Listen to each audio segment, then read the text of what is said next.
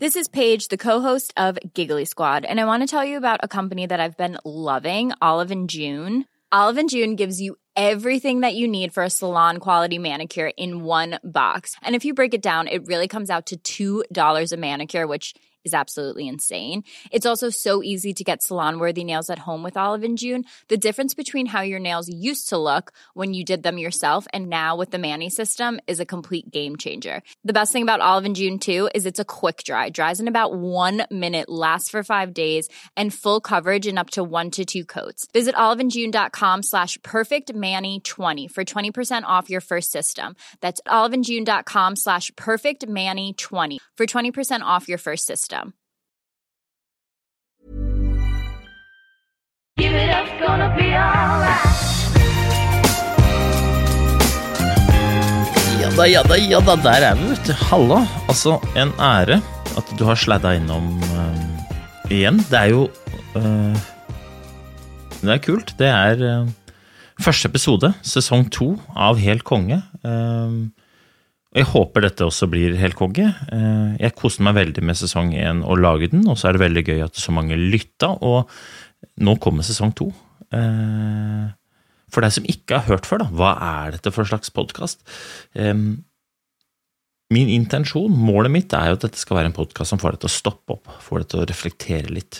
Eh, Jeg kommer ikke med noen fasiter, og det tror jeg ikke gjestene mine gjør heller, men vi ønsker jo å få deg til å stoppe opp.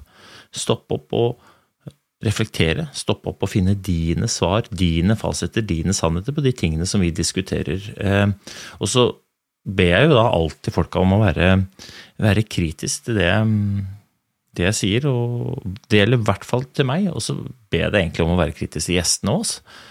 Vær kritisk til det du lytter, men målet er å få deg til å stoppe opp og reflektere.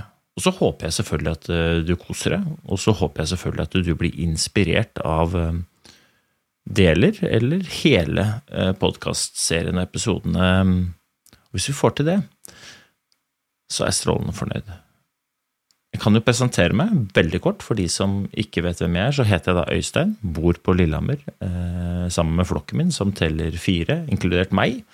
Eh, jeg har drevet veldig mye med idrett. Eh, nå jobber jeg med mennesker.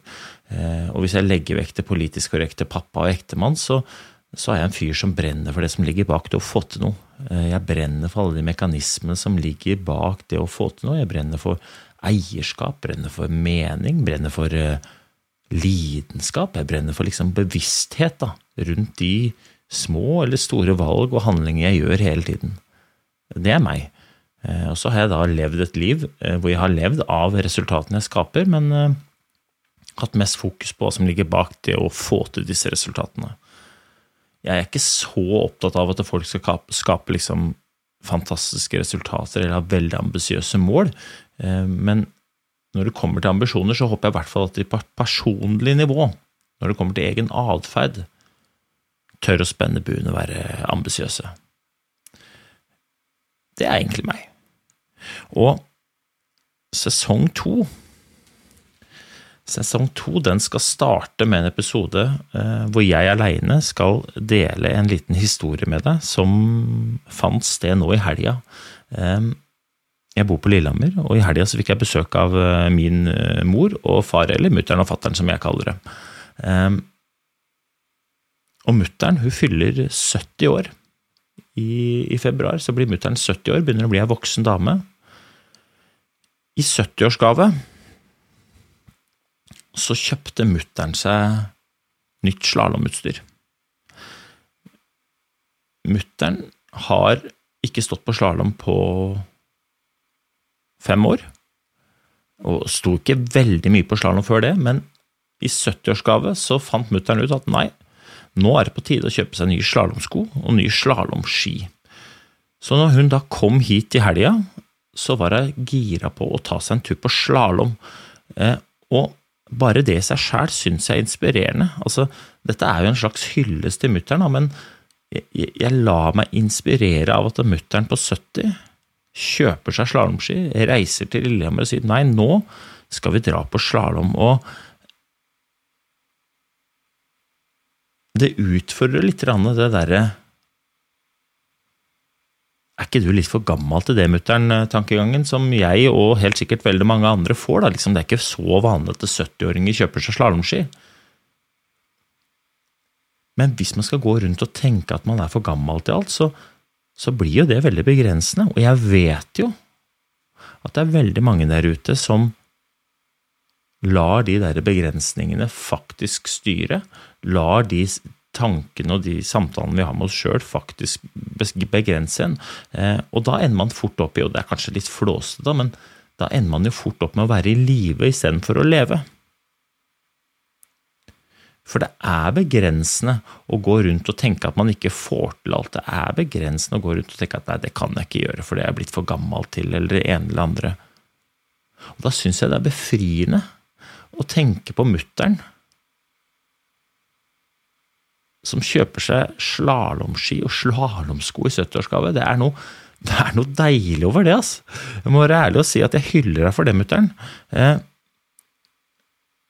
og det er jo sånn da, at vi, vi, blir jo inspirert av de folka som gjør noe utenfor boksen. ikke sant? Jeg sitter selv og ser på, ser på demenskoret, og jeg lar meg inspirere av de menneskene som til tross for diagnosen velger å gripe muligheten og faktisk leve. For der ser du en gjeng voksne mennesker som er fullstendig klar over alvoret de er havna oppi, og som mister mer og mer oversikten i hverdagen, men som velger å leve istedenfor å bare være i live.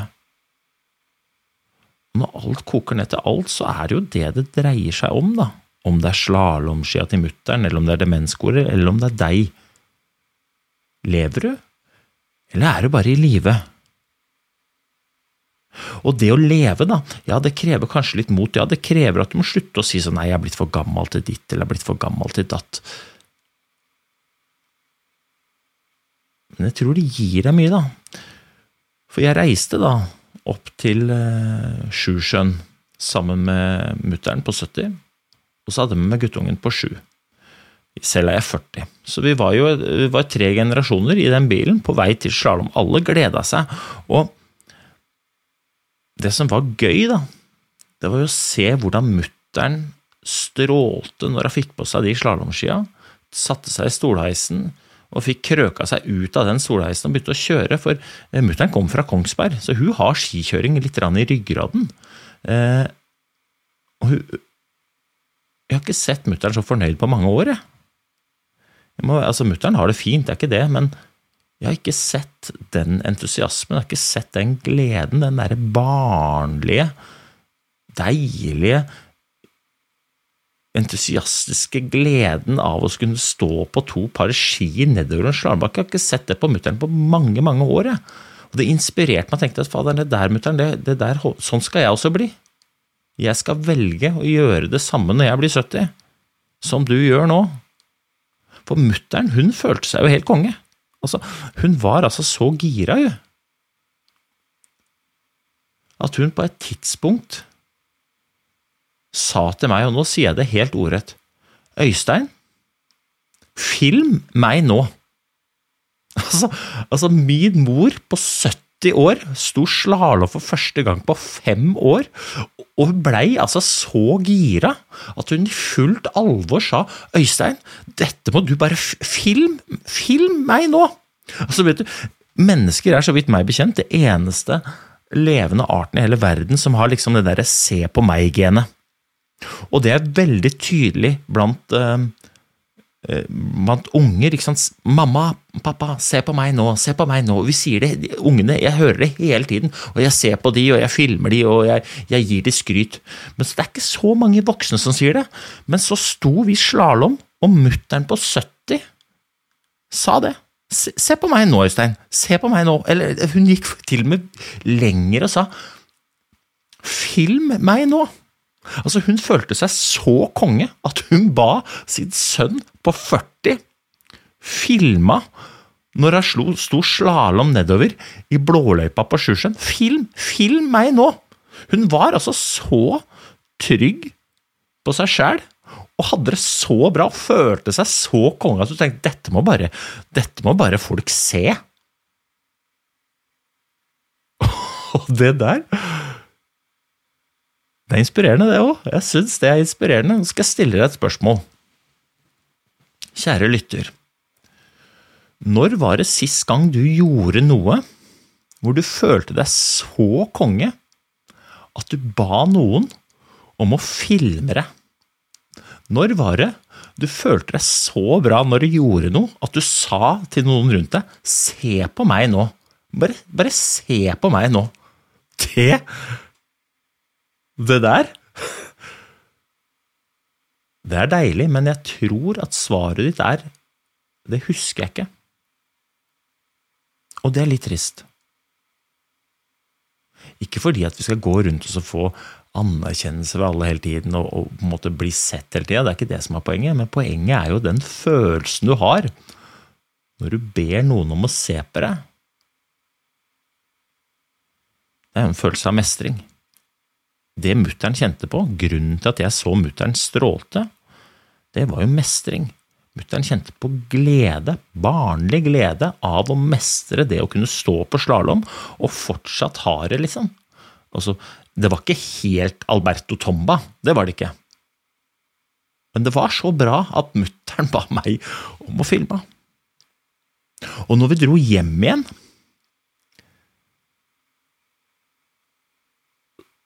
så hadde han en slags sånn energi som jeg ikke har kjent fra mutter'n på lenge. Og så spurte hun da altså Da hadde jeg på en måte skrytt av henne så lenge at nå måtte hun ha mer skryt, men av andre enn meg, så hun henvendte seg da til sjuåringen. Og så sa hun 'Så du bestemor, eller?' Hæ? Fy søren, du sa til meg før vi kjørte, Sigurd, Sigurd guttungen heter Sigurd, du sa at du trodde at du kom til å vente på bestemor, men det måtte du ikke. Så du på bestemor, eller? Og så svarte han litt sånn uinteressert ja, ja, ja. Og så fortsatte bare mutter'n ja, ja, ja. Men altså Hvis du skal gi meg et terningkast da, Sigurd, hvilket terningkast vil du gi bestemor? Og mutter'n hun var altså så fornøyd at hun bare ville ha bekreftelse på terningkast seks av sjuåringen. Dessverre så har ikke sjuåringen lært seg dette med sosial intelligens, så han svarte terningkast tre. Hvorpå da mutter'n blei rett og slett oppriktig provosert. Tre! Tre ternekast! Da så ikke du på meg, Sigurd. Jeg var ikke noe ternekast tre. Altså, jeg var ternekast seks! Og Sigurd han gadd ikke å si noe. Jeg smilte, og, og mutter'n bare avfeide Sigurd som uh, uvitende.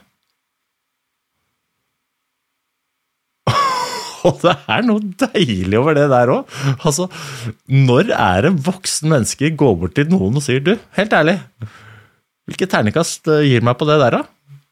Med et sånt smil om munnen hvor du er altså så fornøyd at du egentlig driter i svaret, for du har selv allerede gitt deg terningkast seks. Mutter'n ga seg selv terningkast sju. 100.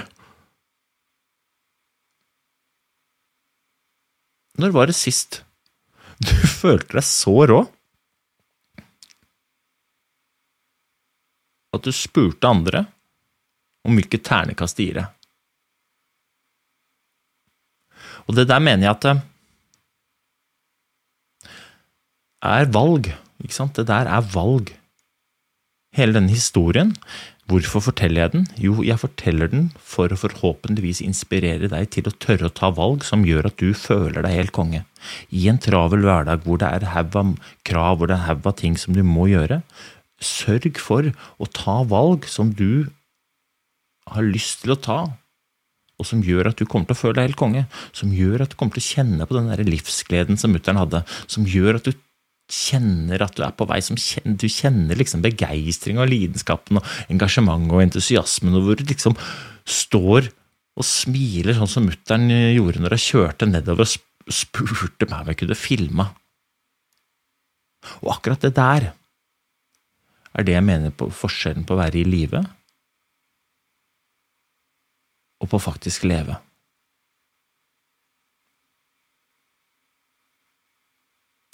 For det å være helt konge, det handler ikke om å være høy på seg sjæl. Men det handler om å være trygg på seg selv og velge de tingene som du vet gir deg gode følelser. Ofte er disse tingene eh, litt krevende, og noen ganger så er vi vår egen største fiende når det kommer til å begrense oss selv. den derre selvsaboteringa eh, som jeg skriver om i begge bøkene, den usikkerheten, den der styggen på ryggen, den der forfengeligheten. Tenk hvis andre syns at dette er teit. Og du kan la den begrense deg. Men da tror jeg aldri at du får oppleve det som mutter'n kjente på her eh, i blåløypa oppe i skiløypene oppe på Natterstilen i, i helga.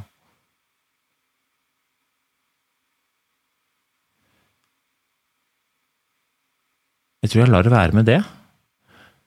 Jeg gleder meg til å dele mer episoder eh, med deg. Det kommer fine gjester. Jeg skal ha noen episoder sjæl. Og så lar jeg det siste spørsmålet bare henge i lufta. Når var det du sist gang følte deg så konge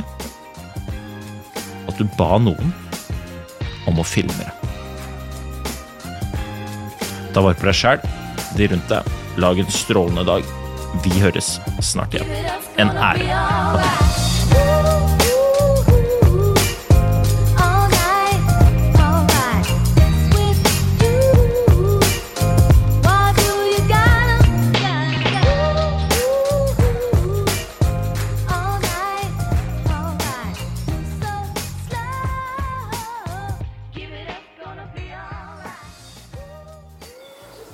Gode dager.